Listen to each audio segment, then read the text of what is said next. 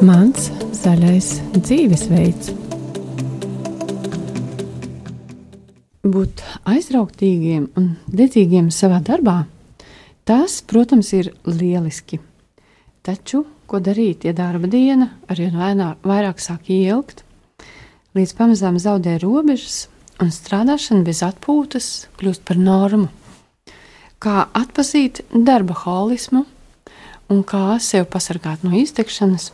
Par to šodien mūsu raidījumā Mans zaļais dzīvesveids. Pie mums viesos eh, kristīgā padomdevēja Aija Grīnberga. Viņa apmeklējusi kristīgās kalpošanas skolas seminārus. Šī, jāpiebilst, šī kristīgās kalpošanas skola eh, darbojās mm, šķiet, ka visā pasaulē, ja? un eh, tai ir 30 gadu pieredze. Un uh, tās galvenais temats ir emocionālā dziedināšana. Un, lūk, tad ar šo gudrību, ko Aija iegūs šajos semināros, viņa dalīsies mums, ar mums šodien. Un ar jums būšu kopā arī es, raidījuma vadītāja Daiga Lakotko. Kādas ir tavas izvēles ikdienā? Atgādināšu vienīgi klausītājiem, ka mums var arī zvanīt pa telefonu 679, 691, 31 un uzdot savus jautājumus, vai arī sūtīt īsiņus uz, pa telefonu 266, 77, 272. Un mums ir arī ziedojuma tālrunis 900, 67, 69. Lūk, bet šajā brīdī Mēs ar Aiju tātad sākam šo mūsu šodienas tematu par darba holismu.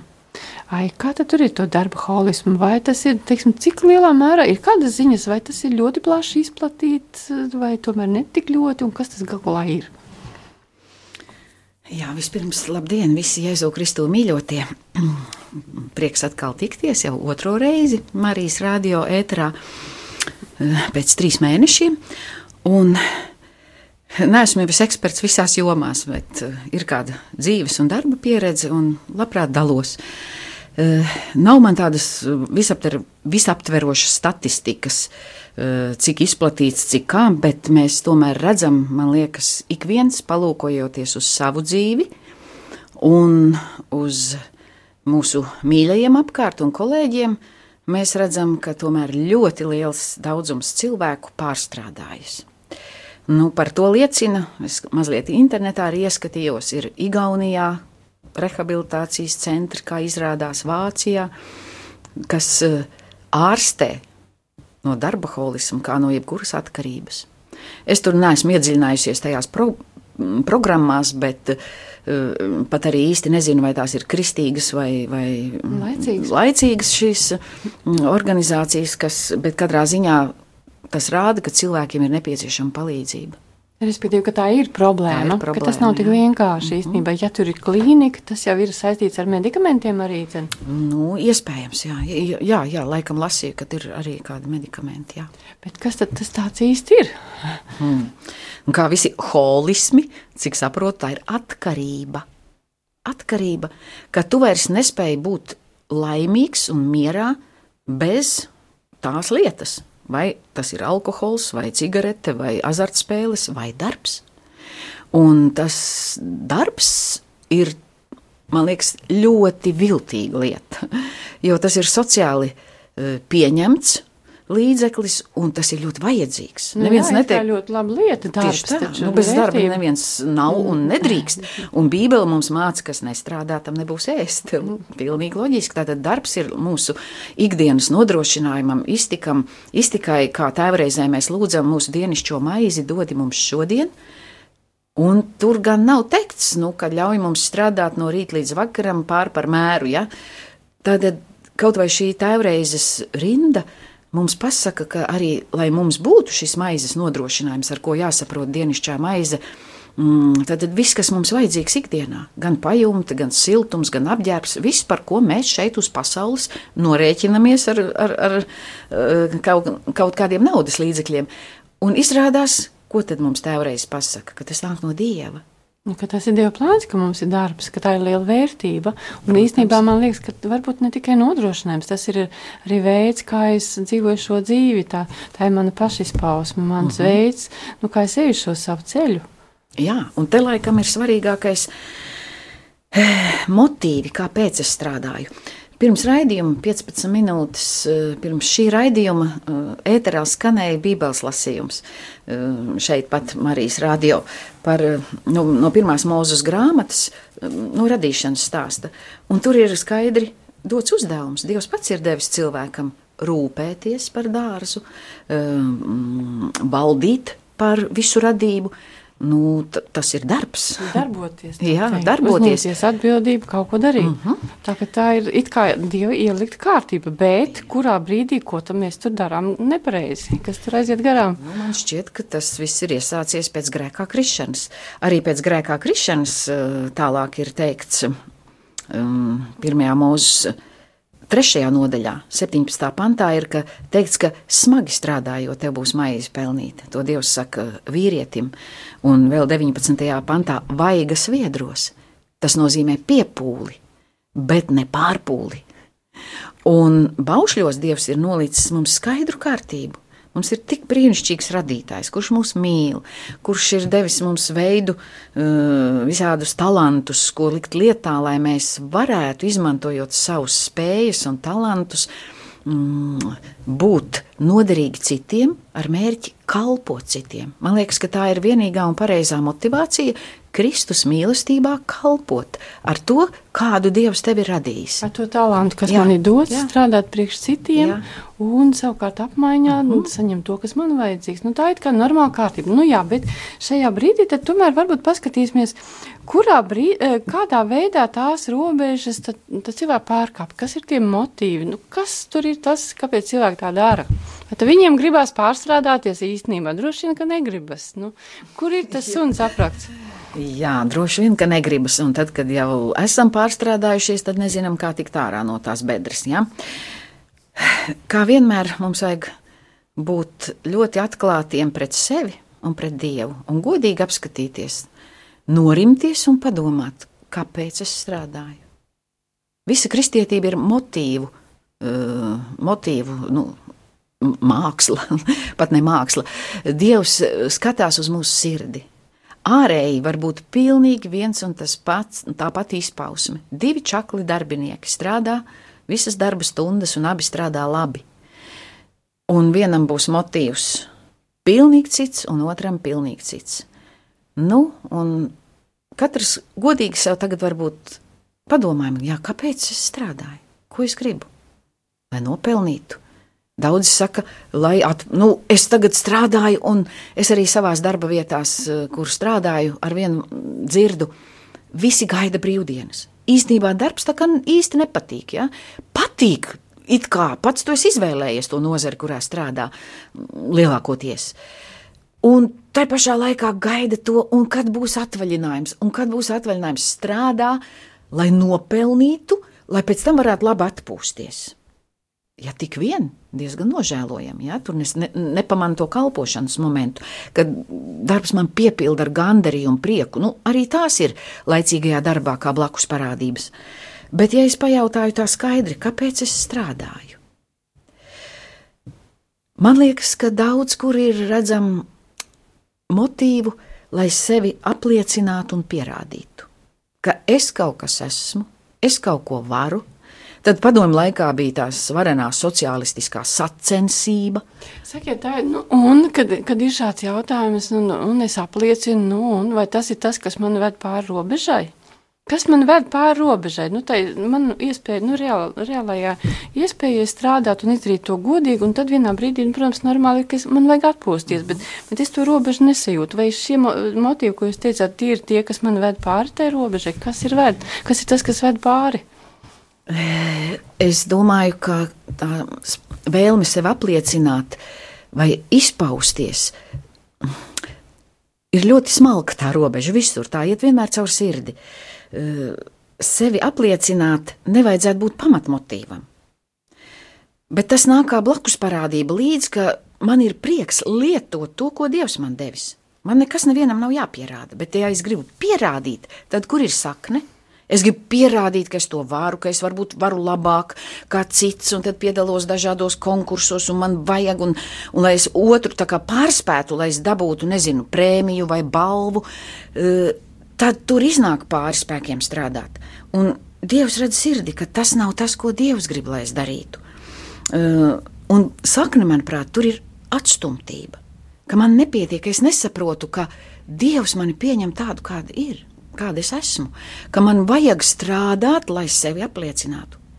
Strādāt vajag citu motīvu dēļ. Ai, bet droši vien tas nav vienīgais motīvs, ka nu, cilvēki pārstrādājas. Jā. Kas ir vēl, varbūt varam minēt kādus. Tātad, lai būtu pierādi, pierādītu sevi, nu pat arī braucot uz Rīgu, šodien autobusā skatos reklāmas, tur autobusu pieturās iet dzīvās reklāmas, un autobusu pietur un skatos, pierādi sev un parādi citiem. Nu, tipiska lepnības izpausme, uh mhm. -huh. nevis pazemības. Kalpot ar to dāvanu, ka, kas ir dota. Tad viens veids ir nepareiza motivācija, kad mēs noteikti pārstrādājamies, um, bēgt no kaut kā. Uh mhm. -huh. Un, Aizbēgt no, no problēmām. Piemēram, ir problēmas ģimenē. Negribās nākt uz mājām, jo tur būs problēmas. Bērnam skolā ir problēmas, sauks uz skolu. Eh, es nezinu, kā ar to tikt galā. Sieva vai vīrs tur kaut ko strīdi. Es negribu tajā iesaistīties. Un tad man ir tik ļoti sociāli pieņem, pieņemams aizsaks. Es taču pelnu naudu. Strādāju. Es savai ģimenei es strādāju. Es, es, ko tev mīļā vēl vajag? Es tevi apgādāju, es bet es nekad neesmu naudu, jā. kopā ar tevi. Katra sieviete zinās pateikt, ka es gribu būt. Mums vajag attiecības sievietēm vispirms, ja? un tie vīri vai, un klāt nēsošie tēvi. Dievs tāds nav. Un tēv, tā iekārtojas, ja? Mm, tēvs ir, Dievs ir vislabākais tēvs, kā mēs tēvreizē sakam, mūsu tēvs debesīs, un viņš ir vienmēr klātesošs. Tas nenozīmē, ka mūsu fiziskie tēvi nevar būt mums vienmēr klātesoši. Viņiem ir tā atbildība ģimeni apgādāt vispirms taisnība, bet lūk, vienmēr prasot dievam, kur ir tā robeža, ja paliek attiecības novārtā. Ja ģimenē bērni iet savu ceļu, viņiem nav blakus tēvs, kas pamāca, tas nav pareizi. Un lūk, baušļi novelk šo robežu, sešas dienas tev būs strādāt, un septītā tam kungam. Ko tas nozīmē? Tas nenozīmē, ka es, es īstenībā oficiāli, ja tā ar humoru var teikt, mēs drīkstam slinkot tajā dienā. Ja? Mums nav jāstrādā savas iztikas pelnīšanai. Tas to vispirms nozīmē. Savam veikalam, kā citvietā Bībelē teikt, savam veikalam, savam biznesam, lai kaut ko nopelnītu, bet lai koptu attiecības, lai apstātos norimtos un paskatītos, vai es esmu vispār uz pareizā ceļa. Dievs, man vajag ik katru uh, ik pa sešām dienām vienu dienu vajag pilnīgi norimties, veltīt attiecībām ar Dievu un ar savu tuvāko, ar ģimeni. Vienkārši nolikt visu malā, būt kopā, un tas ārkārtīgi atspirdzina.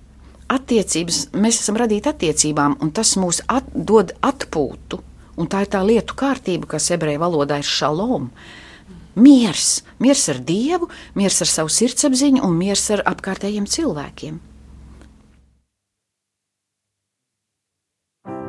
Neviens nekad nav viens, jo līdzās vienmēr esi tu.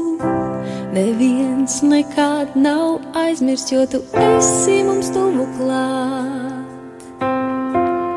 Mēs bieži aizmirstam, vai arī neticam, ka tad, kad esam vienīgi Tu vēlies mūs iepriecināt.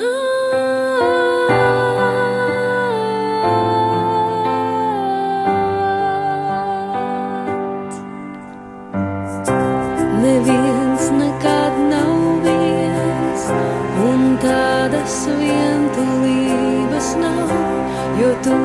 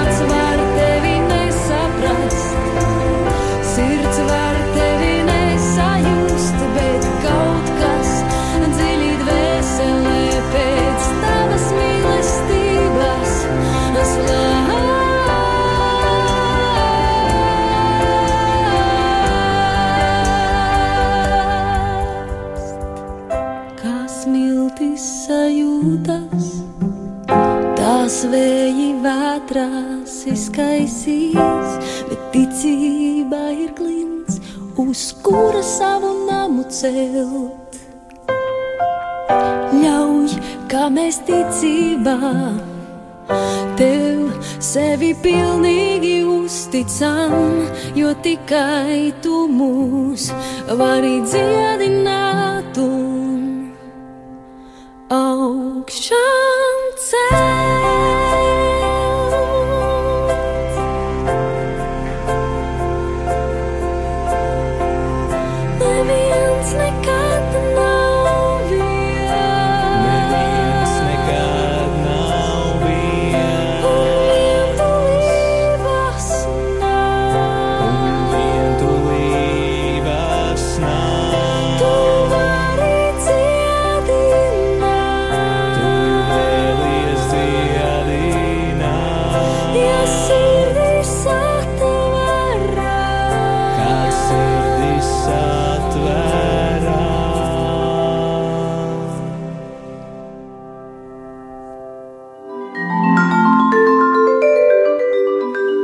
tu zini, kādas ir tavas vajadzības?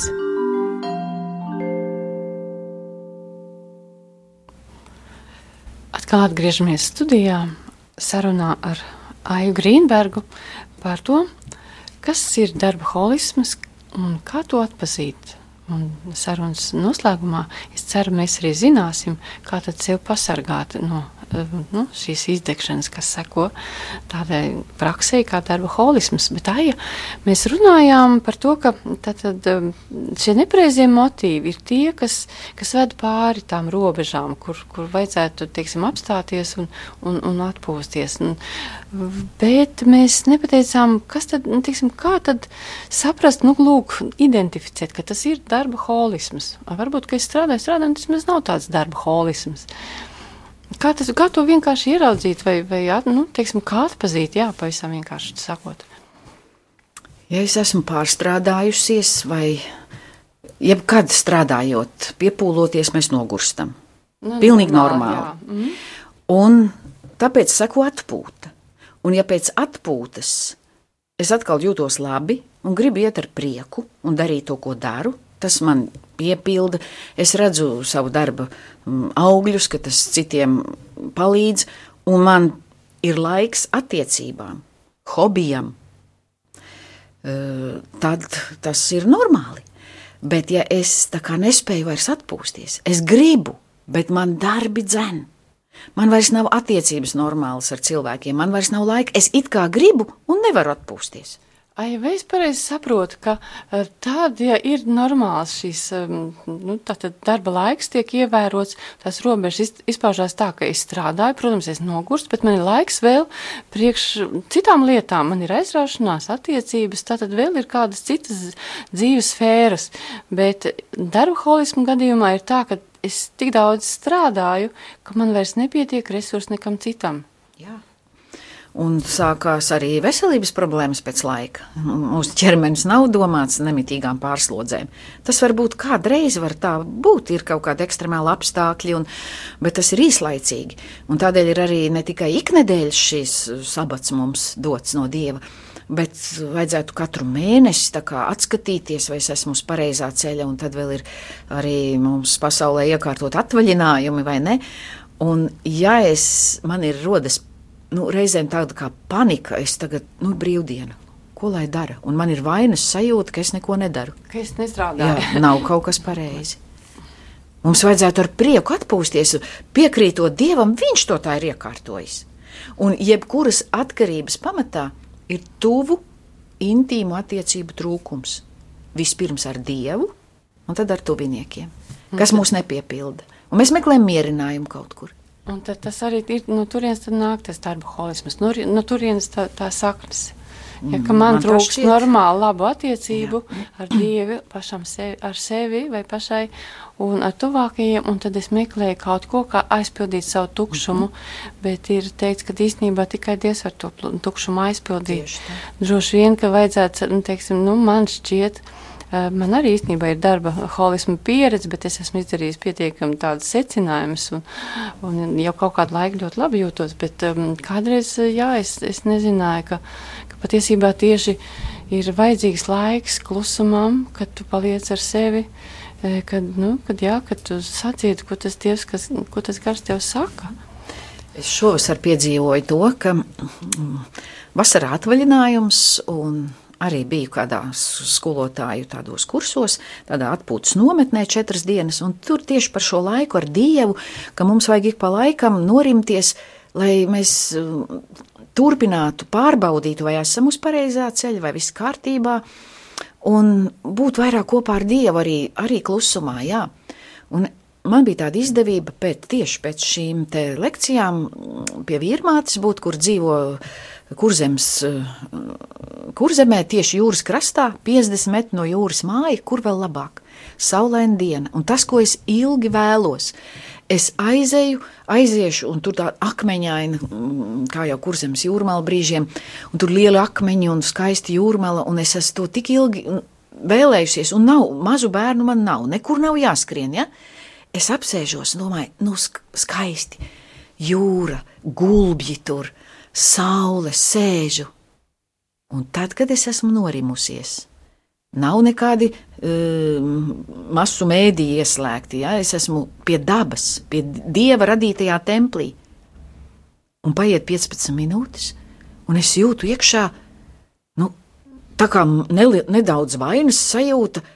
Nu, tad kā es tā drīkst, ja jā? kā te es te tā vienkārši sēdēšu tagad stundām, un es ar piespiedu, es sapratu, ka manī vēl iekšā ir ļoti daudz veca stresa, ko mēs nejūtam tad, kad mēs esam visu laiku kustībā. Darbībā, attiecībās, jā, nedaudz atpūšamies, bet, kad tu tā īsti norimsties Dievu priekšā, tad tu sāc redzēt, ka tev ceļās augšā tas, ko tu tai troksnī un aizņemtībā nekā nevar ieraudzīt. Ko tu varbūt arī negribi. Īstenībā tas jā. ir viens veids, tātad, jā, kā beigt prom no savām problēmām. Ai, bet um, kurā brīdī tad tomēr skatīties, nu, tiksim, ja es esmu noguris, pārguris, nu, tas jau ir jau, jau diezgan ilgu laiku krājies tāds, um, nu, um, tāda sajūta. Vai ir kaut kas, ko, ko mēs agrāk jau varam pamanīt? Nu, kaut kādas zīmes, ka nu, kaut kas nav kārtībā. Man šķiet, ka mūsu tuvinieki to vispirms var mums pateikt.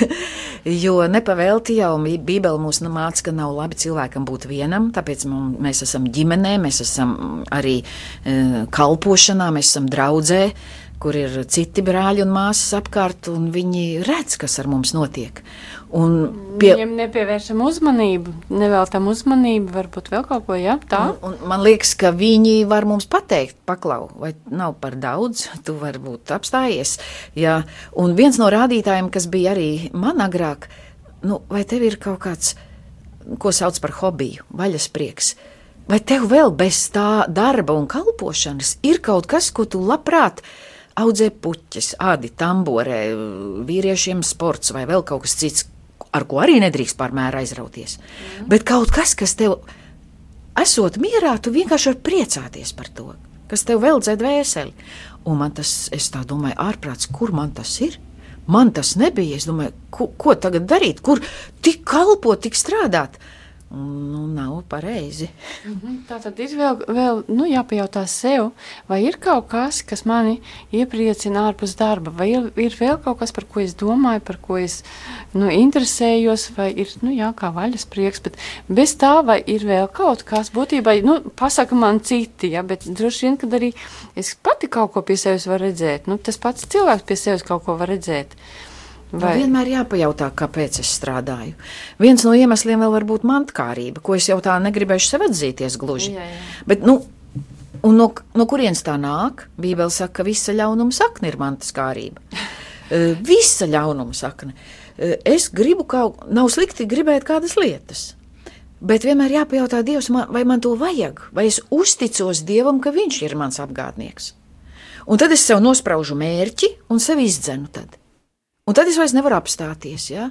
Un, un reizē mēs iekāpjam tajā darba jūgā, un kā lai es tieku ārā, es esmu uzņēmies kādu līgumu vai ko, un tad, tad ir grūti to, to saprast. Man liekas, ka vienmēr vajag pajautāt Dievam. Tāpēc ir tas um, iknedēļas laiks ar Dievu.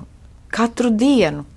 Un netiekties pāri noliktam, darīt kā citi. Es gribu tik daudz, nav slikti gribēt gan priekš dieva, gan cilvēkiem darīt daudz, to labāko, ko es varu.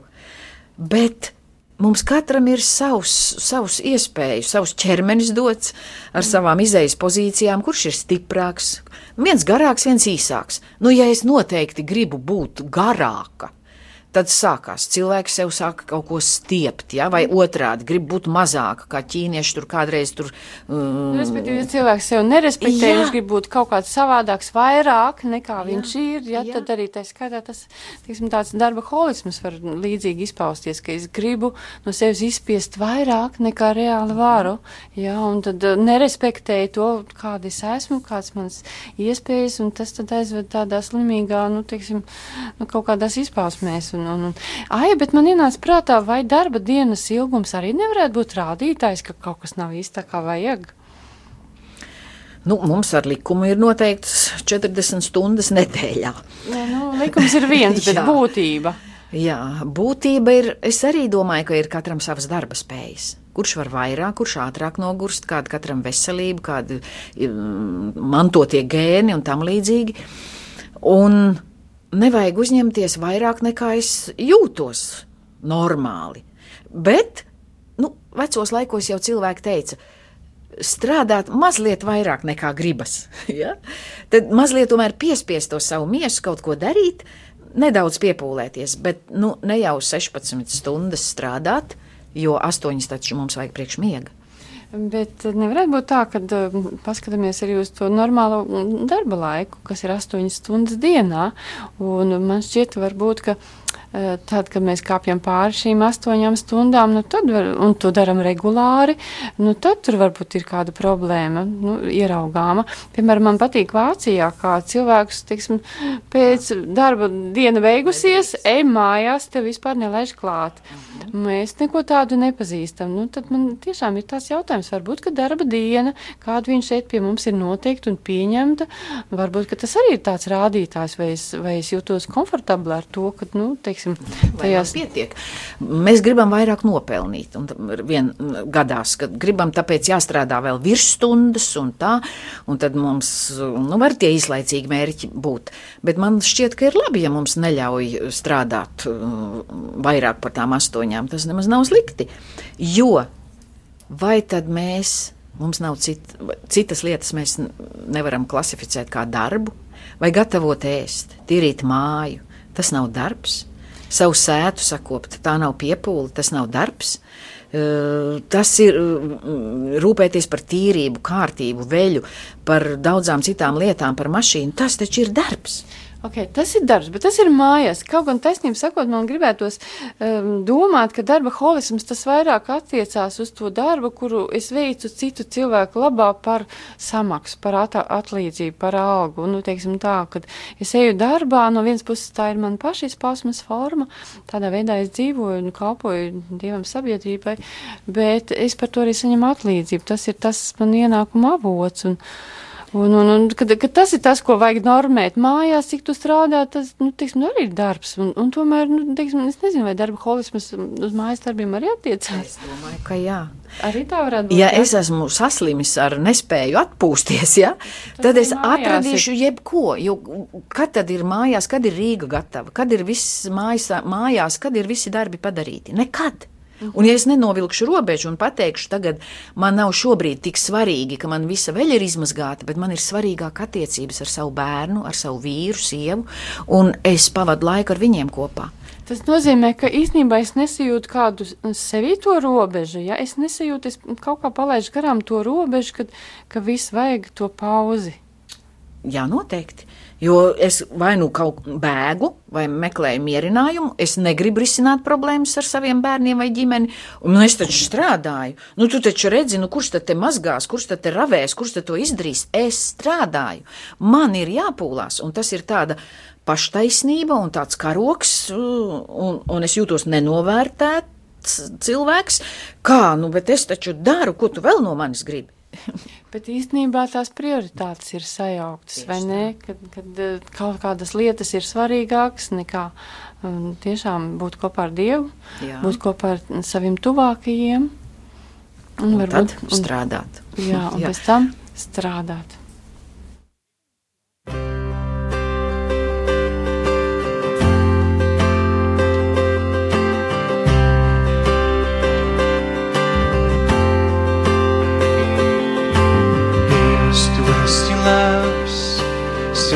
Svētīgs, kas pie tevis tveras. Dievs, tu esi labs, svētīgs, kas pie tevis tveras. Bauda un redz, tu esi labs. Bauda un redz, tu esi labs. Dievs, tu esi labs. Sēdīgs, kas pie tevis tveras, Dievs, tu esi labs. Sēdīgs, kas pie tevis tveras, bauda un redz, tu esi labs. Bauda un redz, tu esi labs.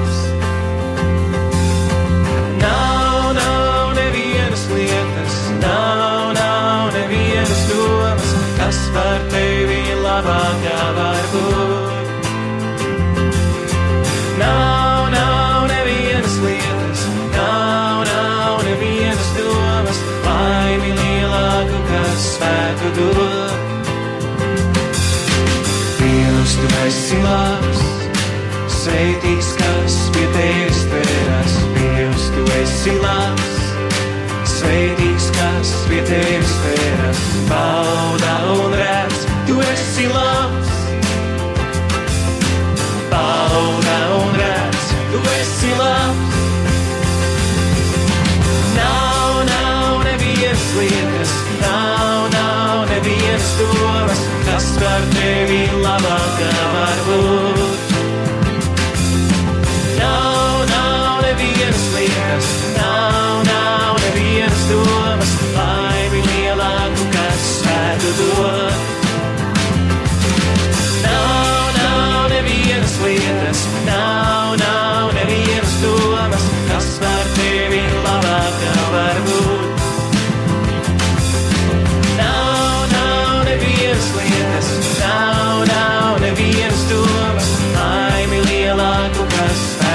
dot.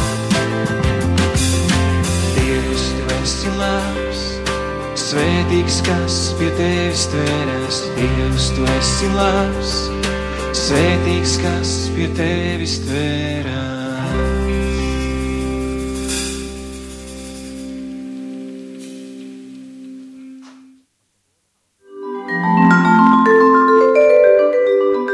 Vai tu respektē savas un citu vajadzības? Atkal atgriežamies studijā sarunā ar Aiju par darba holismu, no kurienes tas nāk un kā tas izpaužas, un arī kā sevi pasargāt no tā dabiskā rezultāta, kas seko darba holismam, tas ir iztikšanai. Nu, lūk, un eh, Aija, tad arī ir šis jautājums.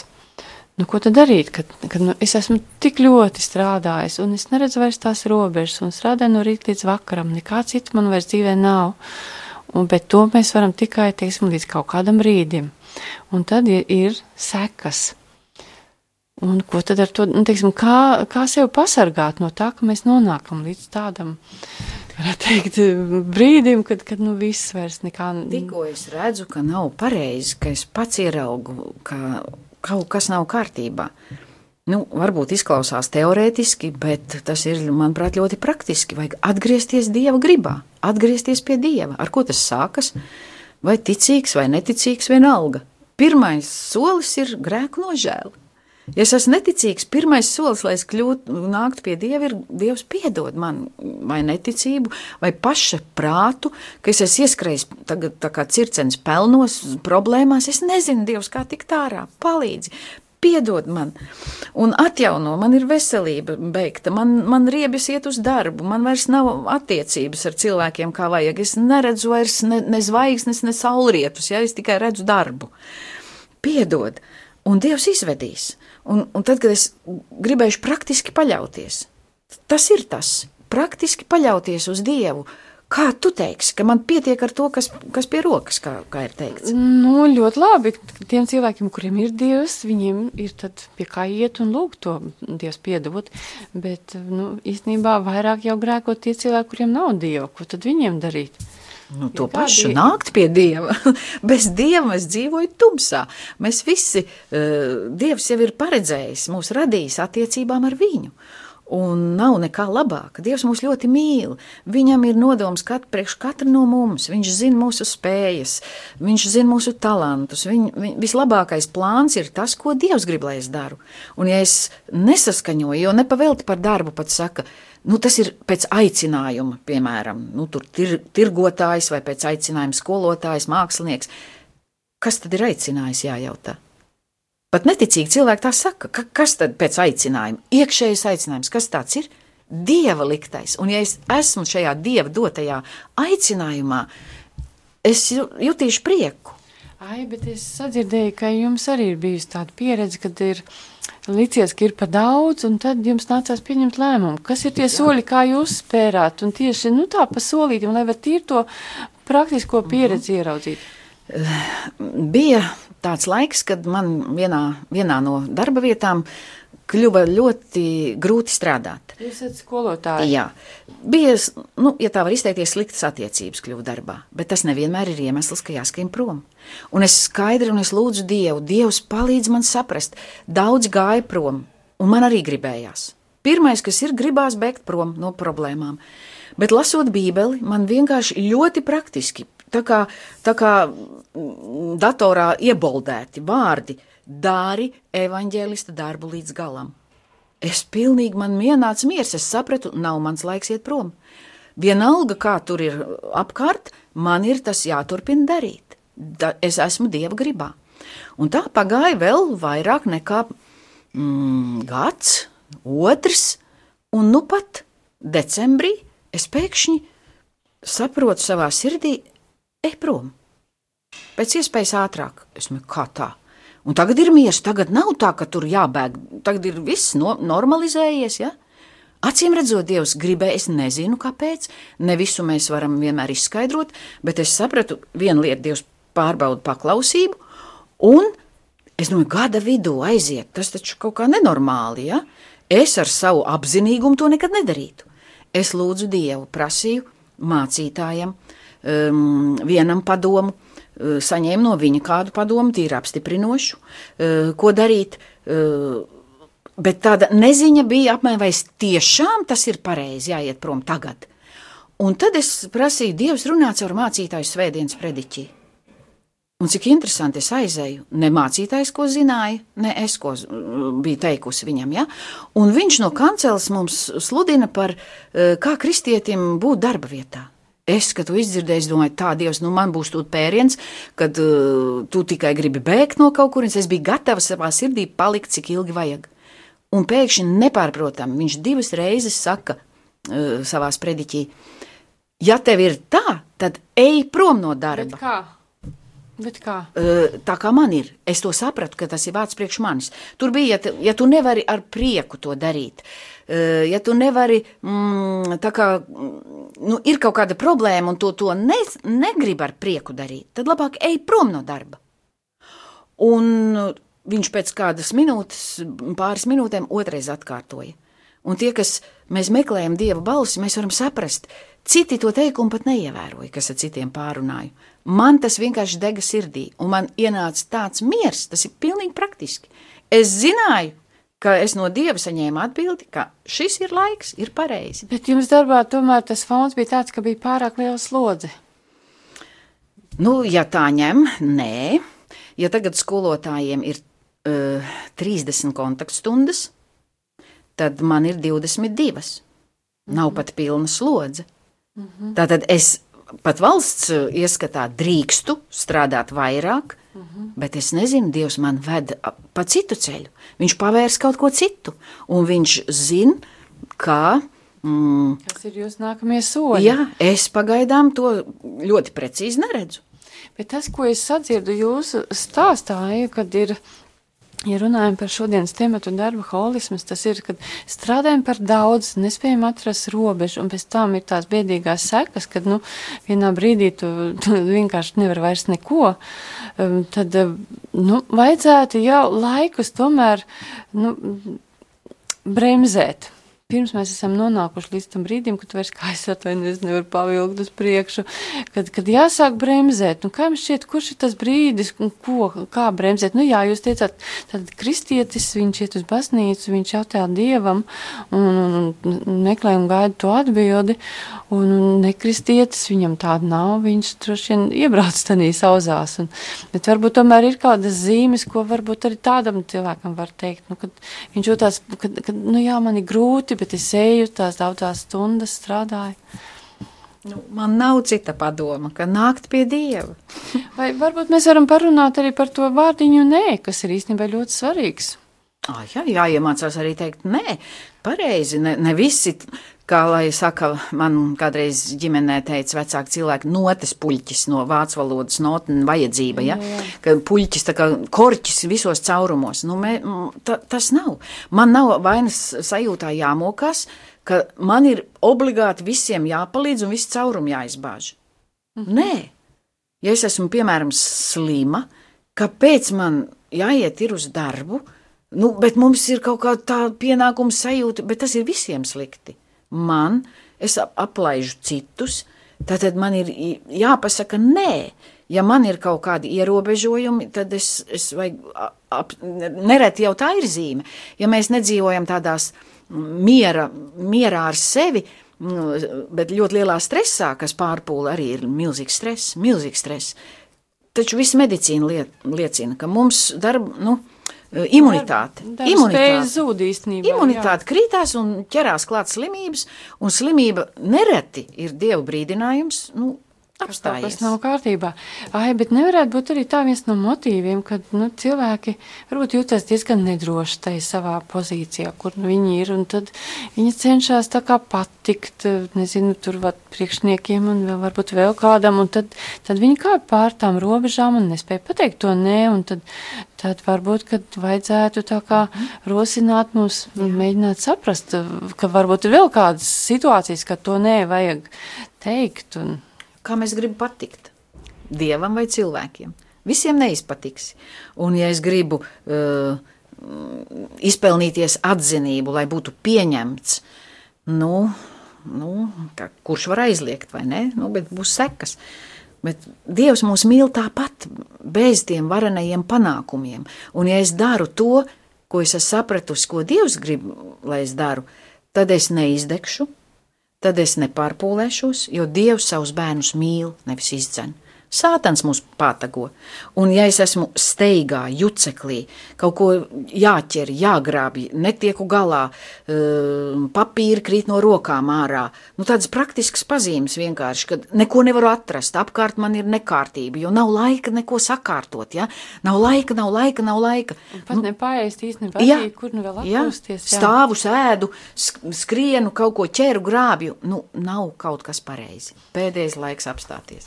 Ai, bet uh, man vēl gribas tomēr, mūsu laiks jau ļoti jau, jau beidzas, bet um, sakiet, vai nevarētu būt viens labs līdzeklis, kas palīdz um, arī plānošana? Jā, protams, bet plānošana kopā ar Dievu.